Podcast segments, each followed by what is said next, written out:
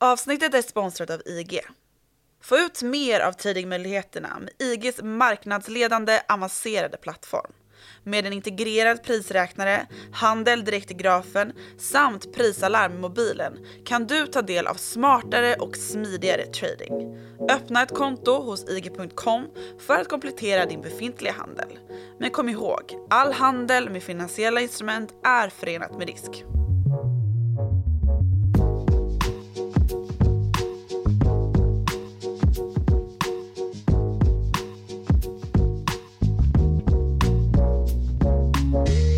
FNs klimatkonferenser beskrivs ständigt som sista chansen att få till de förändringar som krävs för att leda de varaktiga förändringar vi måste få till innan det är för sent för att hålla havslinjen nere. Och vi ska göra det med ett regelbaserat angreppssätt. Samtidigt står finansmarknaderna nära rekordnivåer och det pratas om att vi är på väg att få genomleva ett nytt glatt 20-tal där vi nu ska få njuta högkonjunkturens frukter lik människor kunde göra för hundra år sedan. Då slutade alltihop i en förödande spekulativ bubbla och den finansiella kollaps som banade väg för nazister, kommunister och totalt krig och en helt ny världsordning. Läget är sedan dess stabilare än någonsin och det tycks finnas driv åt såväl marknadsliberalisering som åtstramningar för att tömma systemet på risk. Men samtidigt är de allt mer globala utmaningarna minst lika stora och allt mer gemensamma i en fragmenterad världsordning som nu slåss mot en hydra som närts av klimathotande koldioxid. Är klimathydran lika besvärlig att tas med som i den grekiska myten som väl få minns hur den slutar? Och går det att betvinga med nutida regelbaserade förhållningssätt i ett FN bestående av representanter från så vitt skilda politiska system? Det här är Follow the Money, en podcast om makt, storfinans och börsen av med mig, programledare Martin Nilsson och utrikesredaktör Joakim Rönning. Och nu Joakim Rönning får du ta och börja med att förklara vad hydran är egentligen. Ja, grekisk mytologi gillar vi att prata om i den här podden. Ja, du tycker om att gå långt bak i tiden ja. Uh, hydran är ju då ett, eh, vad ska man säga, ett vattenodjur, ett monster med åtta huvuden. Och varje gång man skär av ett huvud för att uh, man är rädd för det kanske, så uppstår det, dyker upp två nya huvuden. Så, ja, en, en svår bekämpad bäst kan man väl beskriva det som. Och det här är ju då någonting som man har använt för att beskriva allsköns svårförklarliga händelseförlopp och reaktionsmönster kanske man kan kalla det. Det är någonting som både till exempel Sigmund Freud och Carl Jung använder som eh, begrepp då. Man går tillbaka till den grekiska mytologin och bland annat till den här hydran för att beskriva hur psyket fungerar. När man löser ett problem och så dyker det upp två nya. Ja, precis. Och att man eh, det är ju bildspråk som förklarar någonting som kanske inte alltid går att sätta ord på eh, med, med, enkelhet. Um, hur, hur någonting kommer ur någonting annat då är ju hydran en, ett exempel på och särskilt i form av ett ont förlopp då. Det gillar ju både Carl Jung och, och Sigmund Freud att grotta ner sig i som psykoanalytiker att man ska hitta koncept då för att förklara hur människan fungerar. Och det här är ju historier som har hittats på av människor långt tillbaka i tiden och först varit liksom talade berättelser som sen har skrivits ner någon gång längs vägen och blivit just eh, någonting som folk kan knyta upp sin idévärld på lite grann. Nu har jag ju ägnat ja, men, kanske 90 avsnitt åt att försöka få den här podden att bli mer och mer finans och du har försökt mm. göra den mer och mer historia. Och nu... Eh, nu är det psykologi också, ja. psykoanalys. Hur, kommer vi dit? Ja men psykoanalys det är ju ett bra exempel på någonting som likt finans och ekonomi i största allmänhet är uh, ovetenskapligt. Eller nu blir det många psykologer som uh, blir sura här men det är ju inom psykologin och framförallt psykologisk behandling, alltså terapi, svårt att hitta evidensbaserade behandlingsmetoder och modeller som funkar brett. Liksom. Precis som ekonomin. Ja, precis som ekonomin ja. Och därför så är ju psykologi, eller har ju varit i väldigt lång del av sin historia klassat hos många som lite hokus pokus. Mm. Och det kan man väl säga går för finans också. Och det är ju därmed ganska så svårt att hitta den här regelbundenheten då som krävs för att kalla någonting för sant och falskt såklart. Mm. Det här är ju någonting som, som, som, som sagt psykologin kämpar med. Delvis beroende på att man i, i psykologins historia haft svårt att hitta just modeller som går att applicera på olika typer av problem. Alltså människor är ju olika och, har olika typer av problem, har psyken som är uppbyggda på olika sätt. Precis som att typ länder, företag och individer har det i eh, ekonomin ju. Mm. Och då är det ju såväl då som inom psykologin även svårt att hitta just regelbaserade modeller som, som man ska basera alla ekonomiska beslut utifrån. Och det har ju lett till att man eh, ofta inom ekonomi och finans fattat stora beslut som gäller till exempel då att man reglerar eller avreglerar och går mot mer marknadsbaserat förhållningssätt om vartannat. Och dessutom då när systemet finans och ekonomi är så himla stort så får ju det här alltid stora konsekvenser. Just det, men det, det minns jag från någon tidig föreläsning också när de skulle beskriva finansmarknaderna och kanske i princip all typ av politisk beslutsfa beslutsfattande att det var som en pendelrörelse, att man gick från den avreglerade, eh, styrda av marknaden typ av finansmarknad till att det går så långt att det måste regleras på något sätt för att det håller på att gå sönder. Mm. Och då stramas det åt och stramas åt, stramas åt fram till att pendeln når andra sidan.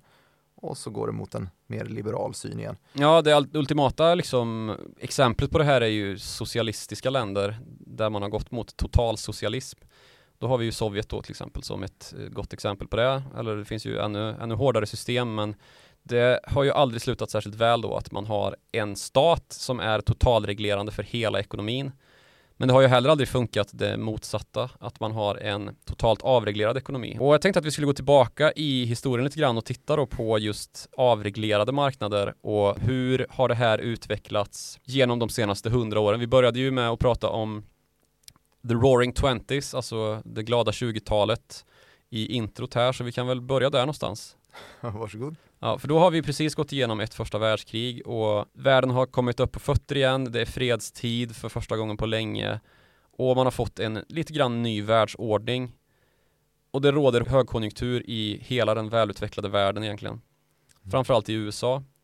Där man har gått då mot just en avreglerad form av kapitalism. Folk får handla med kapital, gods och varor lite, lite hur de vill. Det finns ingen egentlig totalreglerande instans. SEC till exempel, den amerikanska finansinspektionen, är inte inrättad ännu.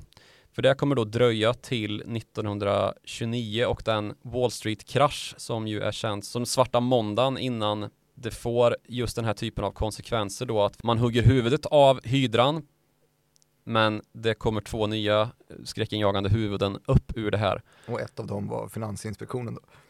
ja, precis. Nej, men det som ett av de här huvudena var är ju den extrema lågkonjunktur som följde på finanskrisen i, som utbröt i New York 1929. Och den finanskrisen det största och mest skräckinjagande huvudet består av en österrikisk herre som heter Adolf Hitler.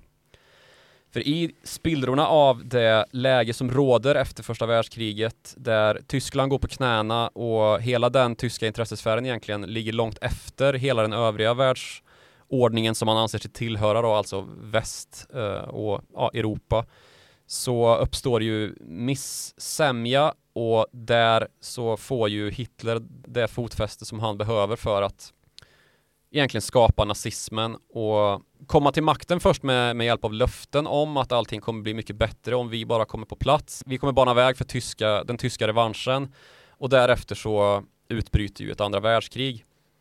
Så det är ju den, den yttersta konsekvensen av börskraschen 1929 som i sin tur då var orsakad av den häftiga spekulationsvåg som följde på avregleringar under 20-talet och den högkonjunktur som gjorde att folk hade det gott ställt och hade helt enkelt kapital att röra sig med. Mm. Men det finns, ju, det finns ju massvis av den här typen av eh, bubblehändelser ju som går att prata om i form av hydror. Har du något bra exempel?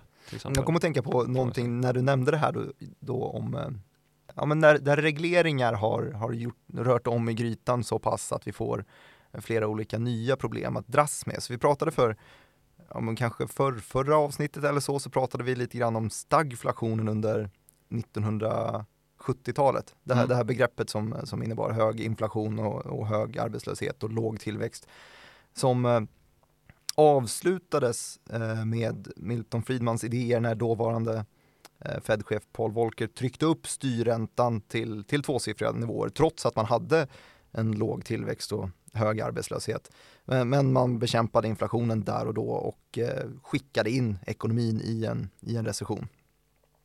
Eh, så mm, i sig så blev det ju ett problem och det kunde man ju kanske förutspått det här huvudet som då får vara recessionen i det här. Men med de här plötsligt högre räntorna så blev det lurigt för eh, långivarmarknaden får man säga. och Man var tvungen att avreglera ganska snabbt för att inte likviditeten skulle bara torka upp. Eh, så att man bekämpade då det här nya huvudet med att ja, men vi, vi släpper lite på regleringarna så att det inte går omkull helt nu när vi har riktigt höga räntor. Eh, så att vi kan hjälpa de här institutionerna som har svårt att föra sina vanliga affärsidéer längre på grund av det här ganska drastiskt förändrade affärsklimatet.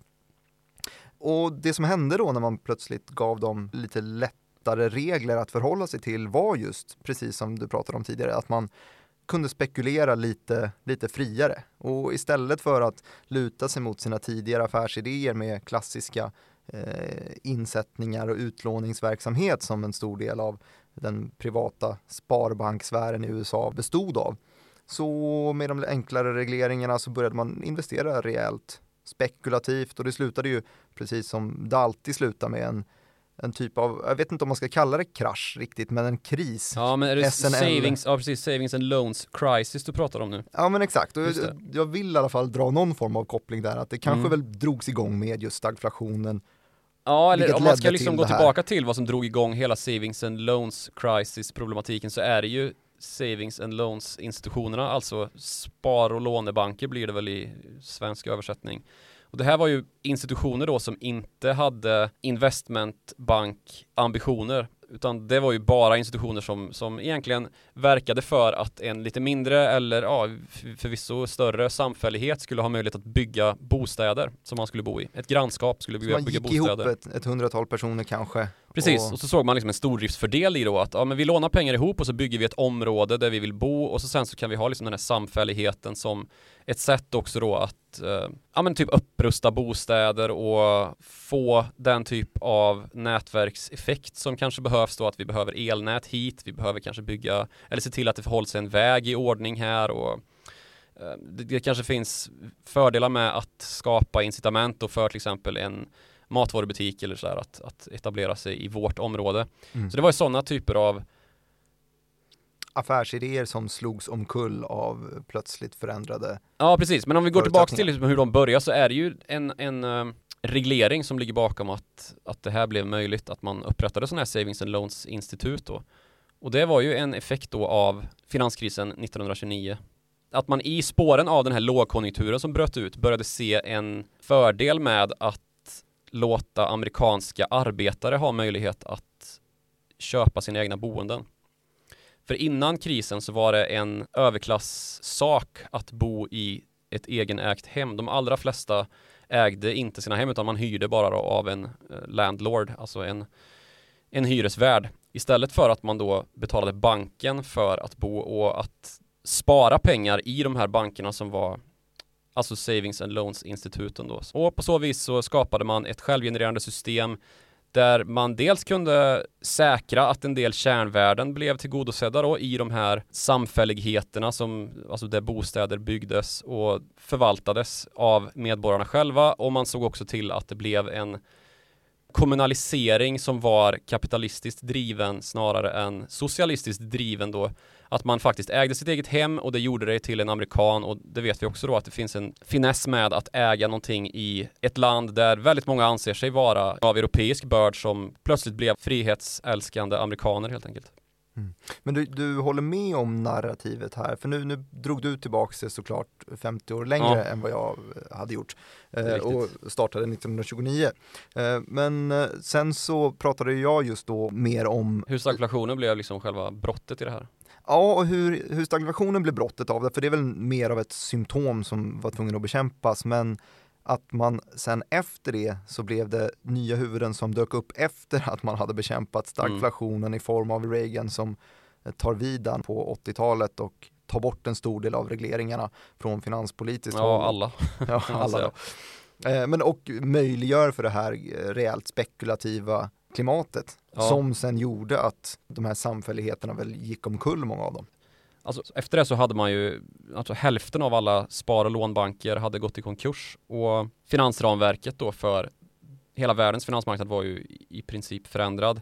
Och en viktig punkt i att det faktiskt blev den här förändringen, den kommer faktiskt från Storbritannien och inte från Ronald Reagan utan från hans parhäst som heter Thatcher. Margaret Thatcher, precis. För hon låg då bakom en otroligt hastig avreglering av finansmarknaderna under 1986 som har kommit att kallas för Big Bang för det ledde till en sån enorm likviditetsskjuts för Londonbörsen. Och det man gjorde då var att man i princip helt och hållet vände upp och ner på det ramverk som fanns och så skakade man ur allting som man ansåg vara onödigt. Market making till exempel blev ett, eh, ett jobb för en och samma person. Tidigare så var det så att man hade en stockjobber och en stockbroker. En stockjobber då var en som satt på böckerna med köp och säljordrar som man hela tiden var tvungen att gå förbi då när man skulle göra upp en aktieaffär. Så det här ledde ju till att det blev köer, fysiska köer alltså av folk som skrek. Alltså det har man ju sett på gamla bilder ifrån börsgolv när folk står och skriker på, på en stockjobber då om vad det är för ordrar, alltså köp och säljordrar som man vill lägga och Sen så fanns det då en teknologisk utveckling som ledde till att man plötsligt såg möjligheten att kunna göra upp ordrar via en stockbroker enbart då, så att denne istället för att stå och skrika ut ordrar på börsgolvet kunde agera market maker själv. Och det då i ett elektroniskt system så att det kunde säkras upp att detta var rättvist och att det inte förekom eh, den manipulation som man var så rädd för och som var orsaken till att eh, jobbern skulle ha sitt jobb. Det här är ju någonting som är helt borta nu. Det finns inga stockjobbers idag. Alla är både och helt enkelt. Och marketmakingen är ju någonting som mäklarna har själva mycket ansvar för och mycket makt över. Och därmed så kunde ju likviditeten skjuta höjden i marknaden när det inte blev de här köerna framför stockjobbers och de skulle sitta med sina böcker, fysiska böcker liksom. Och i nästa skede då så köptes ju många av de här jobbers-firmorna upp av mäklare och, mm, och, banker helt enkelt som ju, som ju också jobbar som mäklare. Så bankerna plötsligt liksom satt på dubbla stolar. Och hit är det många som har pekat under de senaste 15 åren och sagt att det där var ju början på det som ledde till finanskrisen 2008. För nu finns det ju inte längre någon uppdelning då mellan investmentbanker och sparbanker som det fanns förr i tiden utan alla banker i princip är ju både och. Och här har det ju också då funnits en anledning till att reglera. Och det gjorde man ju redan innan 2008, alltså den kris som utlöstes av att folk satt på dubbla stolar helt enkelt och utfäste riskabla instrument på derivatmarknaden som man visste var helt värdelösa. Och sen så tvingade man sina kunder att köpa dem för då pengar som inte var ens egna tidigare. Alltså investmentbanker har ju i historien varit ganska så återhållsamma med att satsa pengar just för att det är deras egna pengar. Och sen så när man har kommit åt insättande kunders pengar och kunnat gambla lite mer med dem, då har risknivån gått upp. Det är någonting som man kan konstatera i finanshistorien. Och när det här hände då efter Big Bang 1986 så infördes det en del regleringar, men de här regleringarna har man ju nu kunnat på senare år konstatera då var ju alldeles för snävt inriktade. Man förstod inte att risk sprids i ett system där en globalisering dessutom har vid det här laget tilltagit då och vi har redan på 80 och 90-talet då ett rejält globaliserat banksystem och finansmarknader som börjar liksom gå i varandras fotspår liksom där New York-börsen, London-börsen, Tokyo-börsen är ganska så sammanflätade i hur volatilitet går upp och ner och hur penningströmmar rör sig fram och tillbaka. Så att det här helt enkelt blev ett system som blev alldeles för stort för att man skulle kunna reglera det med hjälp av att titta på institution för institution då som FSA gjorde denna, den uh, brittiska finansinspektion som upprättades. Som liksom fick ta över ganska mycket uppgifter ifrån uh, Bank of England och ja, men myndigheter som tidigare haft, eh, ekobrottsmyndighet och så här, som tidigare haft ansvar för det här. Och det måste ju ha varit ganska svårt också, det är en ganska drastisk teknologisk utveckling precis under de här åren också. Ja precis, det är svårt och det är, alltid, det är ju alltid så att eh, reglering och myndigheter ligger på bakkant liksom när det, när det kommer till regleringar mot techsektor och sådär. Det ser vi ju även i våra dagar med hur liksom monopolistiskt det har blivit inom big tech. Mm. Men du, det här eh, det leder ju då fram till 2008 där vi får nästa eh, riktigt stora eh, krasch. Mm. Eh, som är väldigt välkänd. Och, och, därefter så startar ju en ny våg av, av regleringar, eller hur? Ja. Vi får nya ögon på de eh, kapitalkraven, Baselkraven till exempel, att bankerna måste ha mer pengar i skattkistan, kan inte spekulera med allt för mycket av kundernas pengar som du nämnde då förut för att kunna trycka ner risken lite. Man införde ju också förnyade sådana här stresstester som man fortfarande gör ganska mycket eh, för att kolla hur, hur väl bankerna skulle klara av en teoretisk kris igen. Mm. Typ ett Black Swan scenario, hur, hur klarar man av det där? Och så får man en liten ranking och så får man ett slag på fingrarna om man klarar av det dåligt och så vidare. Och det här arbetet är ju enormt i Alltså det finns ju konsulter som bara jobbar med sånt här och tjänstemän som bara sitter med att försöka linjera sin alltså uppdragsgivare och sin banks verksamheter med de här styrdokumenten som kommer från Baselkommittén. Jag har en nära anhörig som, som jobbar med just det här och jag får titta lite grann på hur de här dokumenten är utformade och, och hur terminologin låter då. Och det är ju väldigt svårt att se skogen för alla trän här om man så säger. För det är ju just den här grejen lite grann som i psykologi att varje verksamhet är ju unik, varje person är ju unik så liksom det är svårt att behandla alla banker med de här styrdokumenten då som kommer ifrån Basel och vara helt säker på att man når den effekt man faktiskt vill åstadkomma. Och där är vi också inne på ett spår då, den här, det här med terminologi som vi ska komma till lite senare när vi pratar om klimat och finans. Um, för det är ju ett liknande problem vi har i den follan. Men den enda stora gemensamma nämnaren med regleringarna är just eh, välviljan att göra eventuella bubblor så, så små det går. ja, precis. Bubblor som byggs upp. Av... hela tiden på dem så att ja, de inte precis. blir för stora. Och... Risk är ju någonting som man ganska mycket kan förknippa med psykologi också Att under vissa förhållanden så blir människor mer sugna på att ta risk. Och det är ju då hela arbetet med att ha just Baselkrav då på eh, bankerna att man ska förebygga att sådana här händelser inte ska kunna få för stor, att det kommer aldrig gå att förhindra dem helt och hållet men att de inte ska få för stor påverkan på marknaderna. Mm. Men det är ju just så att ser man att, att grannen eller grannbanken gör extremt stora vinster så, så vill du ju göra eh, precis samma sak, annars blir du ju relativt fattigare. Precis, och så blir det det här liksom dominoeffekten av att en tar risk, nästa tar risk och gå, är det gynnsamt att göra det och ta en överrisk helt enkelt så slutar det ju med att hela ekonomin är för riskexponerad och det var ju precis det som hände då i subprime-krisen just där man hade packat om extremt riskabla lån på bostäder som var utställda till folk som inte kunde täcka upp för risken helt enkelt. Men det blir ju så ofta i sådana här uppgångar som då sker innan de här krascherna, för det blir ju ofta så att det är väldigt paraboliska uppgångar om man ska använda sig av teknisk analytisk lingvistik. För det var precis det jag ville komma in på, för det var någonting jag tänkte på när det du var nämnde. Den var fin. när du nämnde psykologi och ekonomi så är det ju här kanske det tydligaste exemplet, alltså teknisk analys. Eh, och nu är Sverige kanske lite längre bak i, i, än USA på användare. Där har det ju funnits algoritmstyrda fonder och förvaltare som i princip bara monitorerar flöden och viktiga, viktiga tekniska nivåer för att göra en, en, investering utan någon form av analys på det, på det underliggande värdet.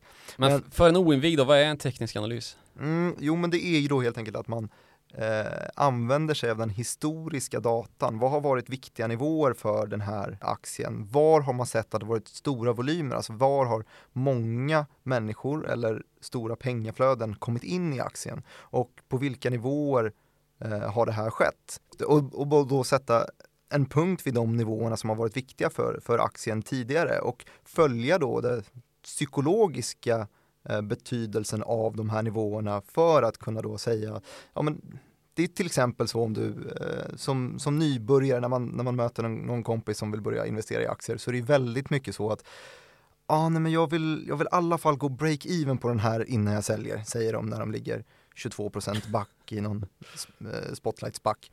Um, och då vill de helt enkelt alltså komma upp till den nivån som de tidigare varit. Eller det kan vara viktigt, så här, nej men jag vill i alla fall ha över, över 100.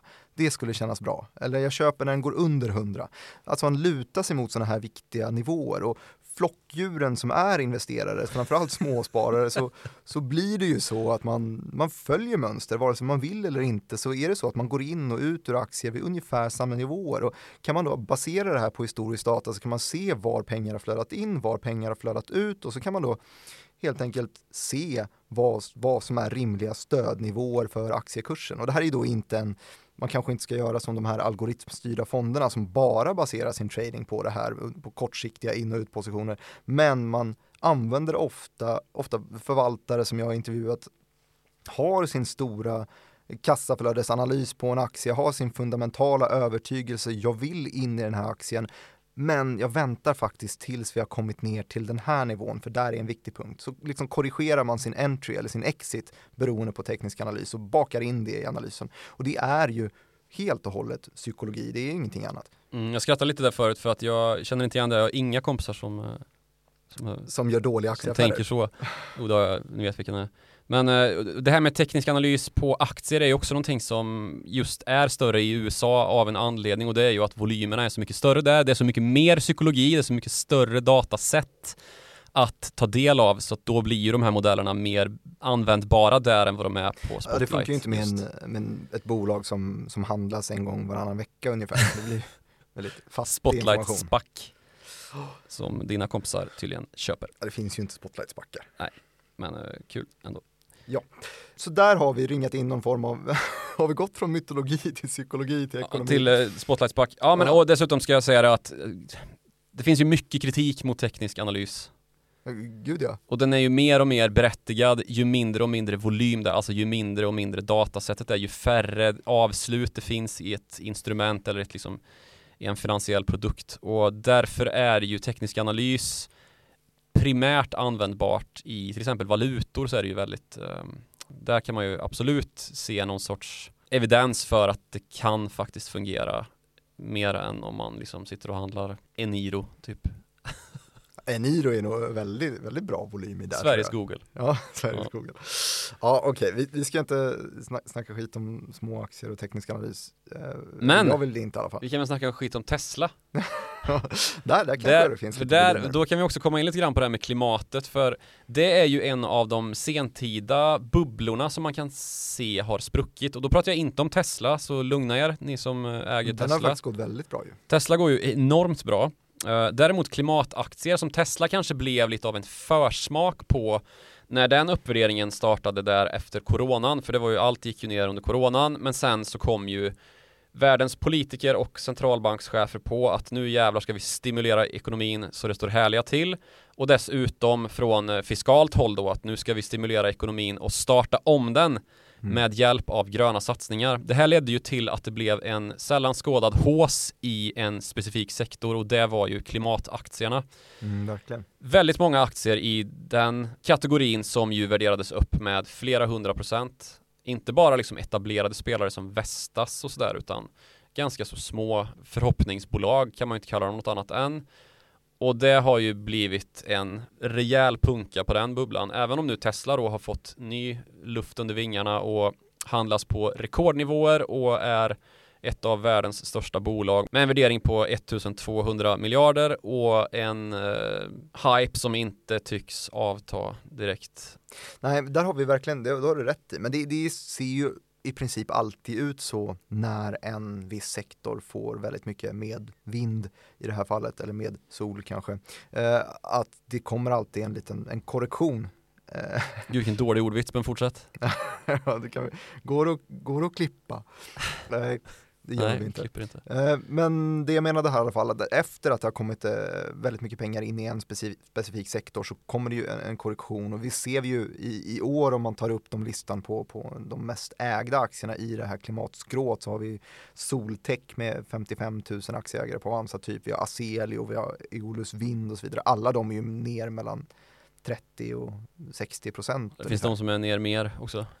Men det här är ju också bland de, bland de största av dem och kanske de ja. mest framgångsrika av dem. Ja. Och det här och är ju fortfarande dessutom... så att de är värderade ganska ganska högt eftersom att de har ju fått en, en rejäl uppskjuts ja, innan den här. Och det här kan man väl också kalla lite grann av en säga, regleringseffekt, att man plötsligt insåg att oj, nu kommer det börja regleras klimatlagar eh, och vi kommer satsa skattepengar på att rädda klimatet via en del företag då som jobbar med det här och helt enkelt liksom lägga pengar på att köpa in vindkraftverk och mm. solfångare och sånt.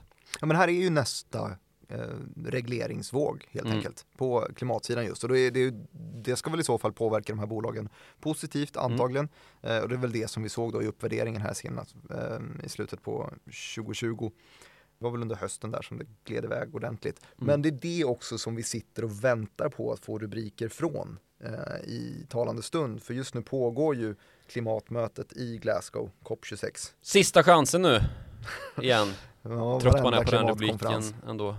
Att det är sista chansen igen. Jag har ändå jobbat med det här i några år nu och dessförinnan så jobbade jag på konsultsidan en del med just eh, ja, men, företags klimatarbete och det är ju Sista chansen nu. Sista chansen tionde året i rad ungefär. Mm. Så det är ju lite tjötigt så sett. Men eh, det blir ju allt mindre tid kvar kan man väl ändå lite krast. Eh. Men är det inte i större fokus nu då än vad det har varit tidigare? Jo, det är klart att det är det. Och det alla pratar om just nu är ju väldigt kopplat till finans och um, ekonomi. För det som väl många hävdar är att vi måste ju komma bort från att bara fatta en massa beslut det är ju bra i sig liksom att man sätter upp lite mål och sådär. Men vi måste ju börja agera också. Och aktionen i sig då är ju i väldigt hög utsträckning marknadsbaserad. Att man ska helt enkelt komma fram till ett system för hur koldioxidhandeln ska se ut så att inte bolag kan komma undan med att hur som helst släppa ut en massa koldioxid gratis liksom. Att, att det inte drabbar verksamheten på något sätt utan att det bara fortsätter. När du säger handel med koldioxid då, hur, hur menar du då? Ja, helt enkelt att man ska finna ett system för att bolag som vill släppa ut mycket klimatfarliga koldioxidutsläpp också får betala för det. Så att vi inte har det här ohållbara finansiella systemet då där saker är tillåtna trots att vi vet att konsekvenserna är helt förödande för inte bara enskilda bolag eller enskilda länder utan för hela världen. Och här har vi också det stora stora problemet med just koldioxidkrediter och för alla de här besluten som, som låter väldigt bra då att man ska, man förbinder sig till Parisavtal och man lovar högtidligt att man inte kommer bryta mot de här klimatavtalen så är det ju väldigt svårt med just regelefterlevnaden. Och kanske inte så att det saknas ambitioner att faktiskt följa reglerna men Samtidigt så har vi ju problem med att demokratiska länder väljer nya regeringar vart fjärde år ungefär. Att en Donald Trump kan komma till presidentposten i USA och dra världens största ekonomi fortfarande ut ur nämnda Parisavtal. Och att hela klimatkomplexet helt enkelt står och faller med att det faktiskt finns ett regelbaserat system som alla lyder till. Men det är väl så också att det såg vi ju under, under energikrisen som har varit nu att så fort priserna på till exempel kol sköt i höjden för att allting annat var otillgängligt så blev det ju väldigt lukrativt och lastbilarna med kol från gruvorna stod ju på kö för att kunna få ja, leverera sina varor. Alla precis. vill ju ha. Det är ju så cynisk ekonomin är och det är ju det vi måste på något vis motverka. Och det här är ju verkligen inget litet komplex alltså. Det är ju precis som med eh, terapeutiska behandlingsmetoder så att olika patienter behöver olika typer av behandling. Och det vi såg då till exempel i Kina där ju kolet plötsligt blev den hetaste råvaran på 30 år liksom. Där energisystemet var nära att stanna på grund av att man hade en hög efterfrågan men Ja, de portionerade ut energi till och med, eller hur? Ja. Eller ström. Ja, precis. Uh, ransonera. Så heter det. Portionera om man är diktator. ja, precis. Men det, det, är ju det här då regelbaserat versus marknad. Ska man låta ekonomin gå under då bara för att man inte har energi som går att kalla för klimatneutral när vi fortfarande har uländer i världen som inte har kommit upp till den välståndsnivå som krävs för att vi inte ska kalla dem för fattiga liksom, under en fattigdomsgräns nu kom... pratar jag inte om Kina först och främst, men det finns ju väldigt många sådana länder och väldigt mycket befolkning även i våra egna länder som inte når upp till den standard som vi anser är tillräcklig för att inte kalla det annat än under en fattigdomsgräns liksom. Man kommer ju så fort det finns nöd och sen så beror ju gränsen lite på vad man, vad man drar om vad som är nöd och inte. I, I Kinas fall så var det ju nog drivet av nöd att få in det här kolet och eh, använda det eh, för att se till att industrierna inte stod helt still. Men så kommer man ju agera på det. Man kommer ju välja det före något klimatmål som man inte riktigt kan ta på eller förstå riktigt vad det gör än. Så kommer man ju dra det cyniska hållet och det funkar ju alltid så, så länge det inte finns riktigt tydliga regler som säger åt vad man får och inte göra. Eh, alltså när det måste vara moral och etik som styr det. Vi fick ju veta bara här, här om månaden att eh, Federal Reserve hade ja, lite Eti lite etiska problem menar du? ja, lite, oh. Exakt, exakt lite etiska problem. härlig liten härva. Ja, kan inte du dra den härvan? Ja, det är då Robert Rosengren och Richard Clarida. De är ju tunga namn i Fed. Fedbank-chefer i, vad är det, Boston och Dallas. Och Dallas ja, var. Ja, var. var Slutade av privata skäl? Ja, var det, ja men de har ju då handlat med aktier och det ser inte, såg inte så bra ut. För de hade handlat med aktier vid ganska så sköra tidpunkter för hastiga marknads uh, upp och nedgångar. De sitter ju då såklart med och får veta vilka policies mm. som diskuteras inom Fed och det här är alltså policies som att vi trycker upp pengar, köper företagsobligationer för bolag som exempelvis X, Y och Z. Och så råkar det vara Y och Z som båda de här har investerat i, i läglig timing. Alltså det förstår ju alla att det här är inte moraliskt rätt på något sätt, men det, var inte, det fanns inga tydliga lagar eller regler som mm. förhindrade det.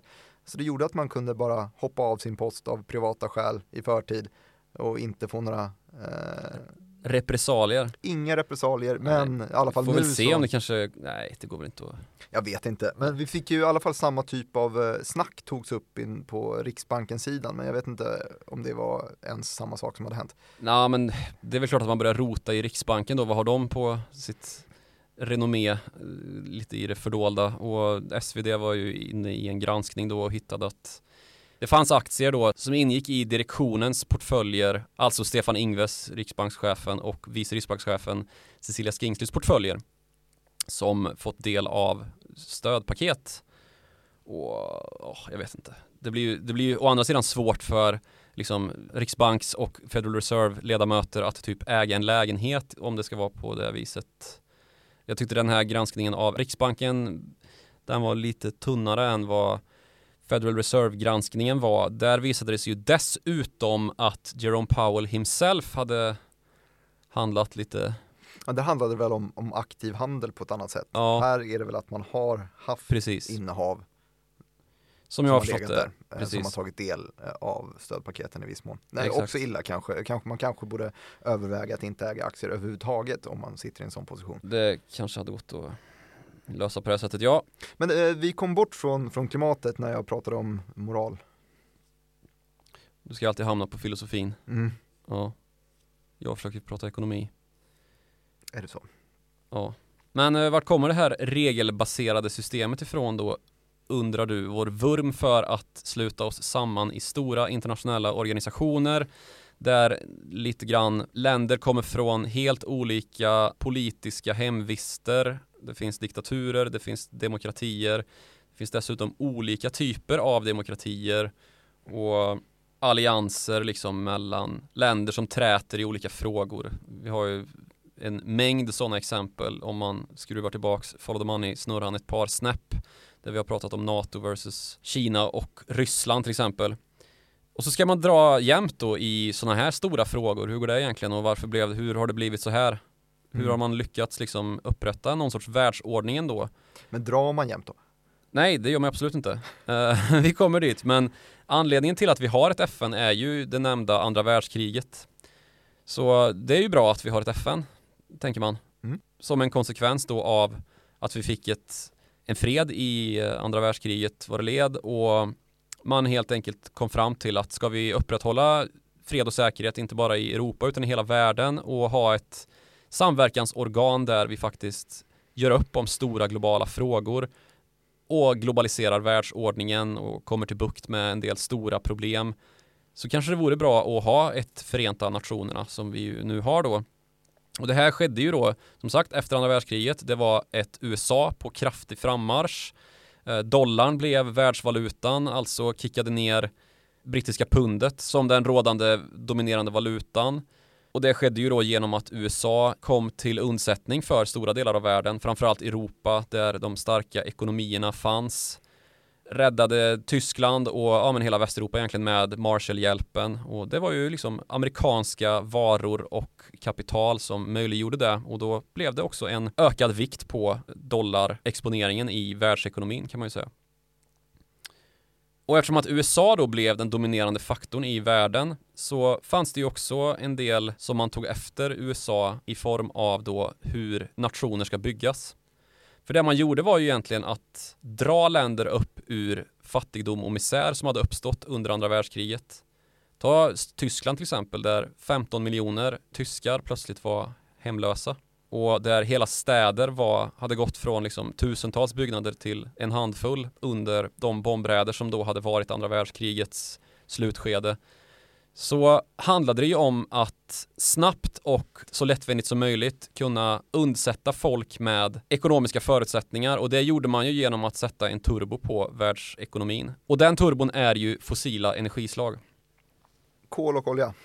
Ja, precis. Det finns ju ett berömt beslut som jag nog har sagt i den här podden tidigare. När Winston Churchill då bestämde sig för att han skulle ställa om, det var när han var marinminister i Storbritannien som han bestämde då att vi ska köra våra skepp på olja. Det är smidigare än att hålla på och skyffla massa kol in i en kamin. Det, lite mer densitet i det där. Precis. Redan när första världskriget börjar så har ju T-Forden, alltså Henry Fords första folkbil eller vad man ska säga, har ju börjat tillverkas då och rulla ut på de amerikanska vägarna. Men sen så dröjer det ju till 30-talet innan det blir liksom lite mer allmän gods även i, i Europa att ha bil då med eh, Volkswagen-bubblan och då pratar vi inte om finansbubbla utan en, en uh, bil. Ja, just det. Ja. Och Hitlers kampanjer för att motorisera den tyska allmänheten liksom och bygga autobans och så här. Ja. Så det finns ju starka infrastruktursystem att bygga på i uh, Tyskland till exempel. Mm Uh, och sen så blir det ju en effekt då av det blir så självgenererande att ju mer ekonomin kommer på fötter desto mer olja och kol behövs för att accelerera vidare. Det är väl en bra billiknelse också. Mm. Det behövs mer bensin ju längre du kör och ju högre hastighet ekonomin kommer upp i desto mer energi förbränns. Så helt plötsligt så har vi ju en extremt energiberoende ekonomi som uh, lyfter folk ur välstånd. Och det här är ju någonting som är giltigt även idag ju. Även om vi satsar på att få mer energisnåla verksamheter och att få mer framförallt klimatneutrala energislag på plats så är det ju så att vi behöver mer och mer energi för att en, ekonomin ska snurra i den takt som vi önskar. Och här har vi förklaringen då till att människor i välutvecklade ekonomier använder så extremt mycket mer energi än vad fattiga gör. Om du jämför till exempel en del amerikanska delstaters snittmedborgare med folk i fattiga länder som Afghanistan eller Kambodja eller vad du nu än väljer så är det ju alltså folk gör ju över med mer energi på en dag än vad de fattiga gör på ett år. Så det finns ju en tät koppling mellan välstånd och energikonsumtion helt klart. Och när då kol och olja var de energislag som faktiskt började nyttjas på grund av att de är ju eminenta i den formen att de är så fyllda av energi. Problemet är ju bara det här med koldioxiden som ju är så oerhört klimatfarlig. Och nu står vi just i det här problemet då som jag försökte beskriva lite taffligt tidigare här att Vi ska hugga av klimathydrans hals. Men vad är det som dyker upp? det som dyker upp är ju länder som säger men vi då? Nu har ni i eh, de välutvecklade länderna haft möjlighet att använda er av de här jätteenergitäta fossila bränsleslagen. Och nu ska vi lyda under samma taxonomi som ni gör. Ja, precis. Och nu ska vi lyda, lyda under samma taxonomi som, som ni andra. Och därmed så får ju, får ju de fattiga länderna plötsligt en liksom boja och dra med sig och kommer ju därmed liksom få ekonomisk tillväxt, inte på det här paraboliska för att nyttja sig av tekniska analystermer, alltså där man ser en exponentiell tillväxt för, för ekonomier som vi kunde se då i länder som byggdes upp med Marshall-hjälp efter andra världskriget. Så blir det ju inte för länder som Indien framförallt, som eh, står med en stor andel av befolkningen under fattigdomsgränsen och som nu känner sig ganska så redo för att ta ett stort kliv, närma sig först och främst Kina och därefter gå mot att bli ett land som är att räkna med i någon sorts välståndsliga också.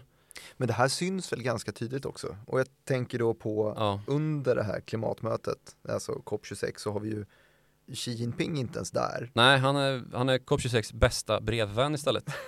Exakt, och Indien sätter sitt ambitiösa klimatmål på klimatneutrala 2070. Ja, precis. Och då ska vi säga att klimatmålen, det finns ju företag som har att man ska vara, Volvo Cars till exempel, och skryter ju om att de ska ha klimatneutrala verksamheter 2030 och det är väl typ snittet för många globala västerländska företag att man ska vara klimatneutral 2030 och det är 20 år före eh, många länder har sagt liksom att ja, EU har väl som, som mål och då är det ju de östliga eh, medlemmarna som släpar att man ska vara klimatneutral 2050 och sen så har vi Kina som har 2060, vilket är ett problem för det är för sent egentligen i och med att Kina har världens största kolkonsumtion och ja, men släpper ut så enormt mycket med sin stora befolkning.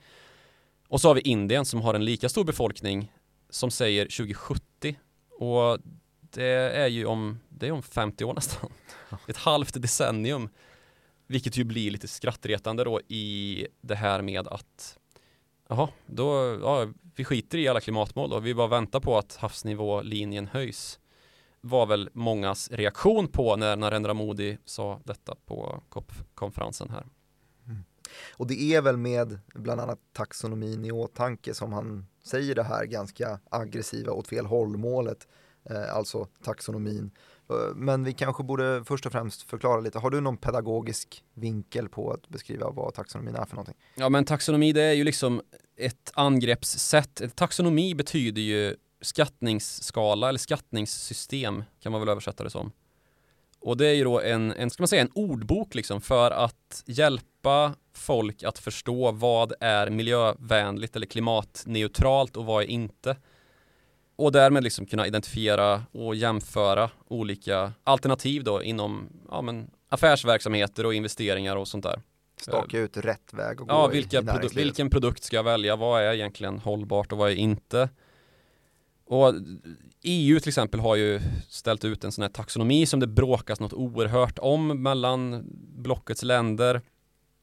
Och det har ju varit för just hållbara investeringar som då ska liksom uppfylla målsättningarna i EUs gröna tillväxtstrategi. Det här har det varit jättemycket jobb med de senaste åren och så har det kommit ut liksom i portioner här vilka energislag till exempel ska anses vara hållbara. Är naturgas eh, hållbart? Ja, men det är ju ändå bättre än vad olja är och det är mycket bättre än vad kol är.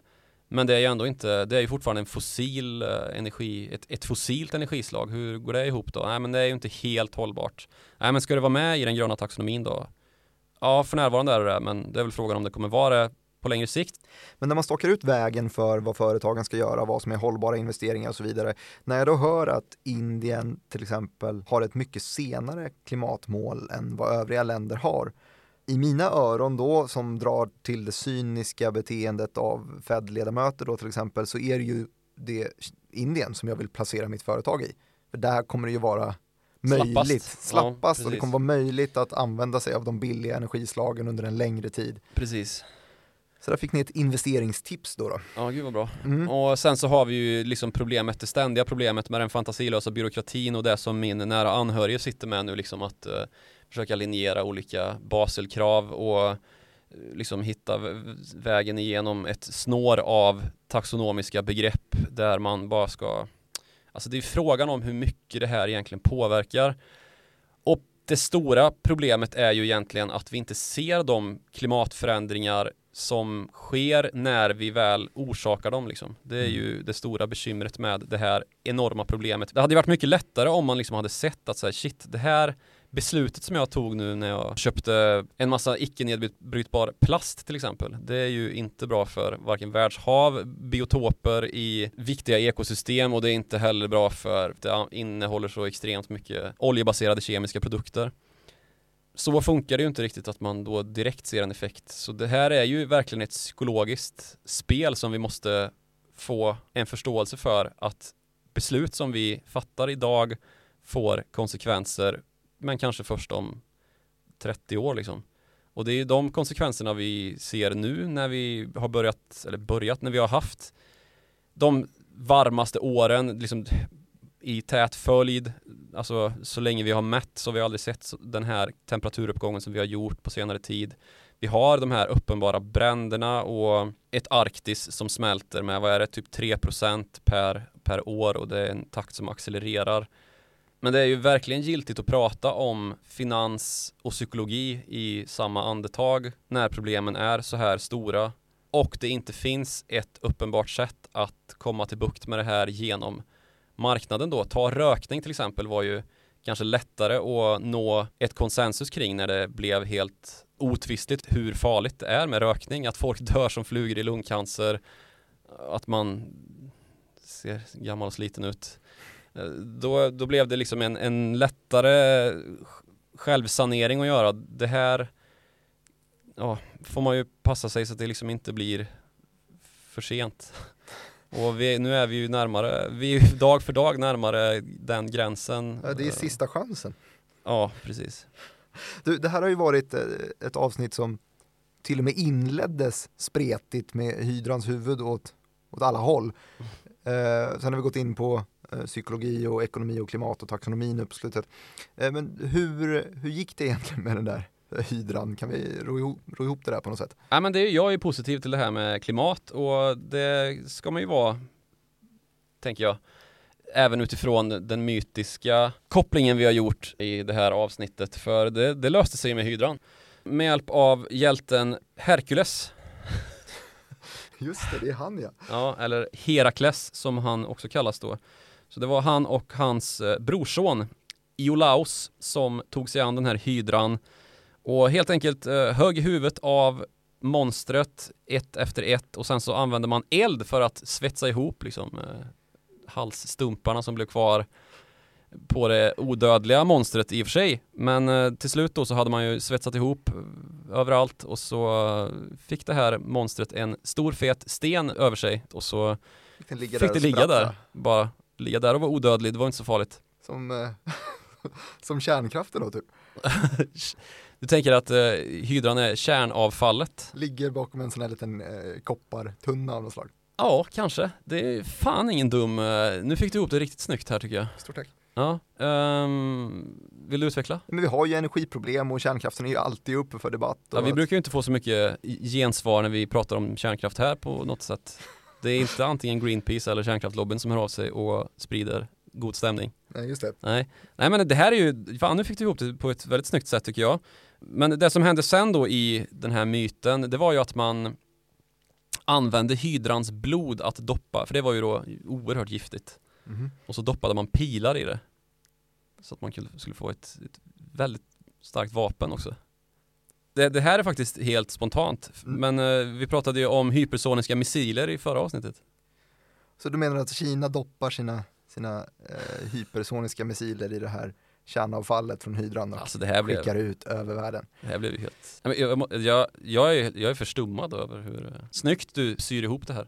Avsnittet som började med en spretig hydra och avslutades med en Att du kom ut som kärnkraft. Eh, Ja, det, så, så kan man faktiskt inte tolka det, men jag tyckte att liknelsen var fin. ehm, ja, nej men det här blir ju, det ju, kom du på det här nu eller? Mhm. Eller har du suttit och smygläst på om hydran och dragit egna slutsatser? Nej, det har jag faktiskt inte gjort. Nej, okej. Ja, imponerande. Fall, kärnkraft, nu när du börjar prata om det, är ju inte med i den eh, EU-taxonomi som ju många tittar på nu. Mhm. Det är ju väldigt mycket bråk om det. Naturgas är med istället. Naturgas som är istället. Ja, men det är ju också mycket bråk om som sagt. Men kärnkraft, det är ju det här problemet just med eh, hållbarheten då och att man inte ska göra hypersoniska missiler av det. Det är ju en sån viktig grej och att man inte ser samma lösning som Hercules då. Att man bara kan gräva ner hydran under en sten. Ja, du, jag tycker att vi syr ihop det här avsnittet som började med en spretig eh, hydra och avslutades med en stympad sådan istället. Eh, det har ju handlat om, om psykologi och ekonomi och klimat och ni kan ju få mejla oss om precis vad ni vill om det där och då gör man det på followthemoney.direkt.se. Man kan också nå oss individuellt på Twitter. Utrikesredaktören når ni då på snabel Joakim Ronning och mig når ni på snabel direkt Martin. Tack så mycket för att ni har lyssnat på oss den här veckan och vi hörs igen om en till.